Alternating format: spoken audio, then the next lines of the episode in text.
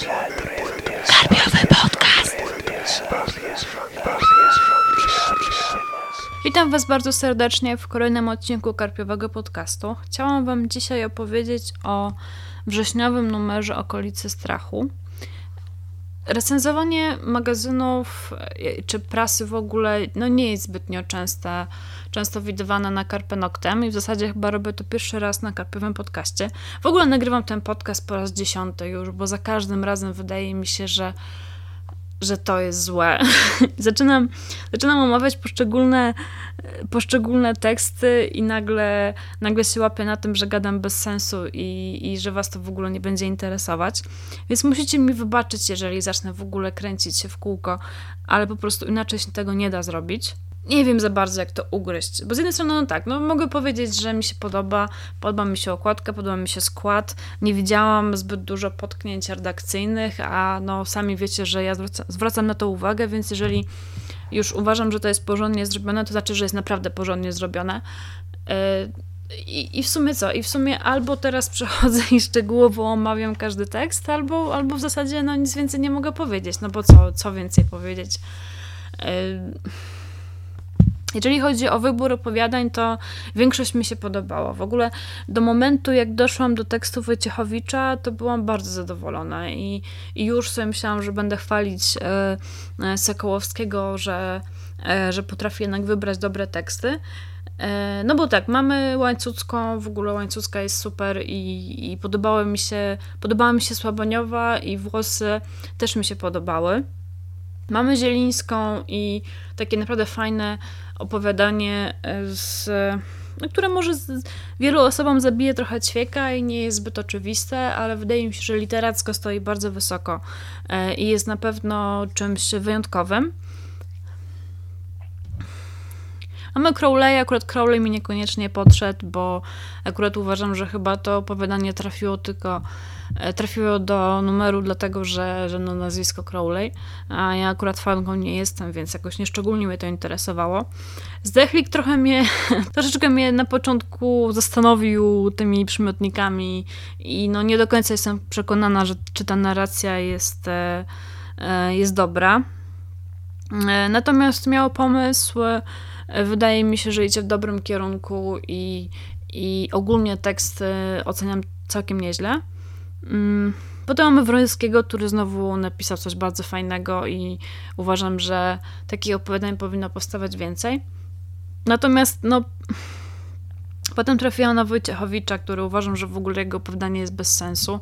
To znaczy, to jest w ogóle świetna wprawka w e, narrację, która brzmi bardzo przekonująco i, i tutaj no, podziwiam, super to wyszło. E, natomiast sama fabuła w ogóle jest taka, jest dużo gadania o, o, o niczym takiego wstępu bardzo szczegółowego, natomiast samo zakończenie jest takie, no, pff, nie, nie wiem co o nim powiedzieć nawet. E, potem jest randka Urbanowicza, która też nie, niekoniecznie mi podeszła, dlatego że u, uważam, że no tak ani to nie było szczególnie dobrze napisane, ani to nie było szczególnie ciekawe. Zakończenie takie dosyć oczywiste i, i niekoniecznie mi się to podobało. Za to już na, na koniec mamy teksty e, Iwony Mejzy. Ja w ogóle kiedyś się zastanawiałam, jak, jak się pisze opowiadania kryminalne. No bo żeby powstał kryminał, to musi być ta zagadka, no żeby stworzyć zagadkę, to jednak potrzeba trochę więcej objętości, że tak powiem, tekstu. A tu się, a tu się okazuje, że da się w, e, w krótkim opowiadaniu jednak zawrzeć e, jakąś tam intrygę i że to całkiem się e, trzyma kupy i szczerze mówiąc dobrze się bawiłam przy, przy lekturze. Staram się w ogóle mówić szybko, żeby wam się szybko słuchało. Następny jest wywiad z Magdaleną Kamińską, upiór w kamerze. Ja mam z Kamińską taki problem, że się nie we wszystkim z nią zgadza. Znaczy, czasami jej opinie na temat e, horroru są dla mnie takie, no, no, że mam ochotę się z nią pospierać trochę. E, ale sam wywiad jest bardzo fajnie prowadzony, jest w ogóle ciekawy. E, słychać, że Kamińska jest no, zainteresowana tematem. Wyszło bardzo naturalnie i, i czyta się bardzo dobrze. I wydaje mi się, że będzie ciekawe dla większości, jeżeli nie wszystkich czytelników okolicy strachu. Potem mamy publicystykę. Zaczynamy od mojego tekstu, no to musicie sobie sami ocenić, sorry. Aż aż takiego dystansu do siebie nie mam, żeby swoje teksty oceniać. Potem jest e, Rączka czy Nóżka Olgi Kowalskiej, czyli o kanibalach. No szczerze mówiąc, to jest w ogóle, ten tekst to jest kopalnia, e, kopalnia tekstów, które warto przeczytać, nadrobić, czy tam filmów i tak dalej. Natomiast niekoniecznie, miałam, wraż- miałam w ogóle nadzieję, że będzie jednak więcej o kanibalach, a nie na przykład o wampirach było bardzo dużo. Co niby rozumiem, no bo wampir to taki trochę kanibal, ale jednak liczyłam na to, że będzie, no bo wiecie, o wampirach się w ogóle tyle pisze, że, że, że już można było bardziej o takich klasycznych, takich bardziej kanibalach e, napisać ten tekst. Ale ogólnie mówię, tam jest po prostu kopalnia e, rzeczy do, do, do sprawdzenia. Felieton Kercza i w sumie od razu mogę powiedzieć o słowiańskiej grozie Wojteczka, bo to są dwaj autorzy, które chyba z tego co widzę będą się cały czas powtarzać e, w okolicy strachu. No i niestety wydaje mi się, że tak jak Wojteczek jeszcze próbuje znaleźć jakiś ciekawy temat, chociaż słowiańska groza miałam wrażenie, że to nie do końca e, autor wie, co chce napisać. Znaczy, że raz było, że to w ogóle tam dużo było strasznie o Dardzie i tak, tak jakby trzy akapity chyba były o tym, żeby przekonać czytelnika, że Darda to osiągnął duży sukces. No nie wiem, czy warto po raz trzeci w tak krótkim tekście powtarzać e, o tym sukcesie Dardy. E, potem było, że, że, że autorzy próbują znaleźć swoje korzenie, ale na końcu jednak e, autor to e, odwołał i stwierdził, że nie, to jednak jest dla popularności i pieniędzy.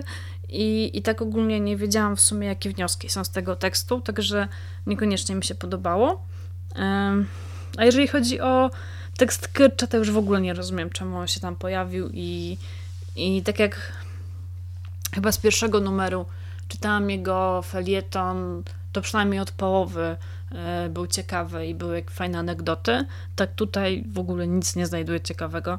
Nie wiem w ogóle po co z tymi cyckami ten żart jakoś tak niekoniecznie mi to podeszło. Później są wędrówki potworów Kseni Olkusz i od razu może omówię to z, e, z tekstem Mikołaja Kołyszko Groza zawsze będzie święta. Powiem tak, nie jestem do końca przekonana, czy okolica strachu powinna iść w tym kierunku.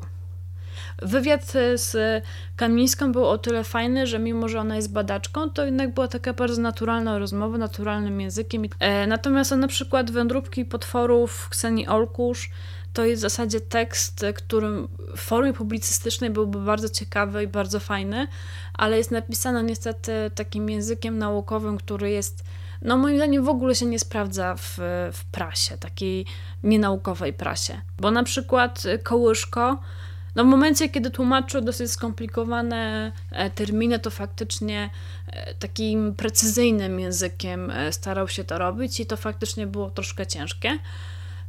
Natomiast w momencie, kiedy już przechodził do przykładów, to łatwo mu przyszło przejście na język bardziej publicystyczny i, i to się naprawdę lekko czytało.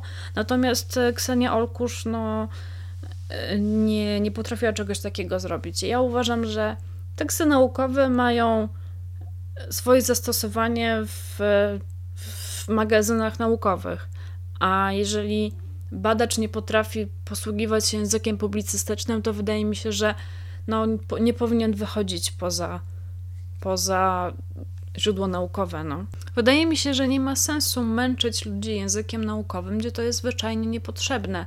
A jestem przekonana, że wędrówki potworów dałyby się napisać językiem publicystycznym i tam ten język naukowy nie był potrzebny i tak naprawdę nie pasował zupełnie do reszty e, magazynu już prędzej naprawdę groza zawsze będzie święta. Tam w ogóle były ciężkie terminy do omówienia. Znaczy fakt w ogóle, że na początku wydawało się bardzo ciężkie, a jak przeszło do przykładów, to się okazało jakieś trochę banalne, także z tym mam trochę problem, ale tekst ogólnie mi się podobał. I tak samo tekst Kseni Olkusz też mi się podobał, tylko ja mam dosyć zdecydowane poglądy na temat języka naukowego. Uważam, że to jest w dużej mierze taka onanizacja językiem i ja strasznie tego nie lubię i, i jak czytałam ten tekst, to tylko miałam ochotę wziąć ołówek i przekreślać wyrazy i zaznaczać je no, żeby były prostsze, bo, bo mogły być prostsze. Ten tekst mógł być z powodzeniem napisany prościej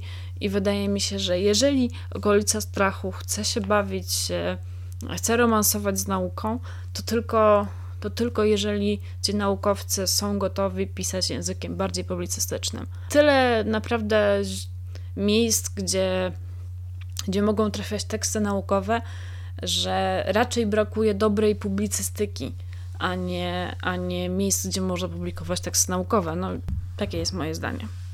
Ogólnie rzecz biorąc, podobała mi się lektura tego e, numeru Okolicy Strachu i raczej jestem zadowolona i widzę przyszłość w tym. Mam nadzieję, że uda się, e, się dotrzeć do wystarczająco dużej e, liczby czytelników, żeby to na przyszłość się w ogóle opłacało ciągnąć. Wiem, że to będzie trudne, bo niestety no prasa teraz, prowadzenie w ogóle teraz pracy, prasy jest ciężkie, więc, więc mam nadzieję, że że jakoś mimo wszystko się uda. Widać zapał, widać, że, że redakcja podchodzi do tego poważnie, więc to jest ogromny plus i mam nadzieję, że będzie już tylko lepiej. Do usłyszenia. Cześć.